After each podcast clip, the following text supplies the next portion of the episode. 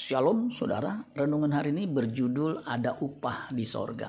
Efesus 6 ayat 8. Kamu tahu bahwa setiap orang, baik hamba maupun orang merdeka, kalau ia telah berbuat sesuatu yang baik, ia akan menerima balasannya dari Tuhan. Terjemahan Alkitab yang terbuka Efesus 6 ayat 8 dikatakan begini, sebab kamu tahu entah ia budak ataupun orang merdeka, jika ia melakukan hal yang baik, Tuhan akan memberi upah kepadanya. Tuhan tidak memandang muka siapa pun dia, entahkah dia seorang budak atau merdeka.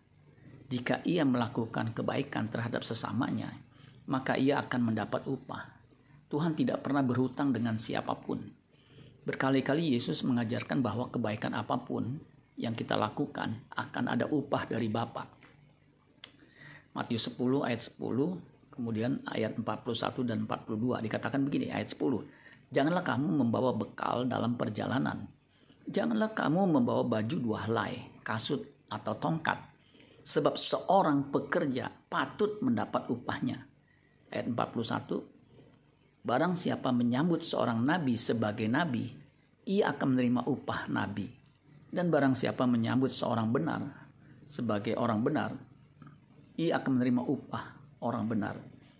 Ayat 42. Dan barang siapa memberi air sejuk secangkir saja pun kepada salah seorang yang kecil ini, karena ia muridku, aku berkata kepadamu, sesungguhnya ia tidak akan kehilangan upahnya daripadanya. Kebenaran ini membuat orang percaya tidak akan pernah jemu-jemu berbuat baik. Galatia 6 ayat 9 dan 10. Janganlah kita jemuh-jemuh berbuat baik. Karena apabila sudah datang waktunya, kita akan menuai jika kita tidak menjadi lemah. Karena itu selama masih ada kesempatan bagi kita, marilah kita berbuat baik kepada semua orang, terutama kepada kawan-kawan kita seiman.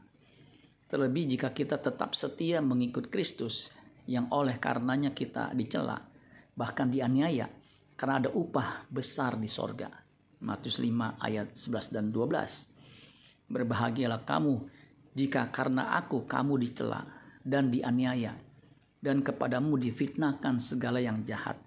Bersukacita dan bergembiralah karena upahmu besar di sorga.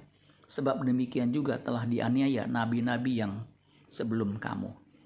Amin buat firman Tuhan. Tuhan Yesus memberkati. Sola Gracia.